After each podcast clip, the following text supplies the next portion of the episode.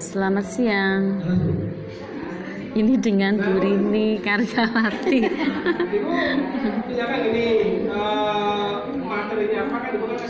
Misalkan Terima kasih.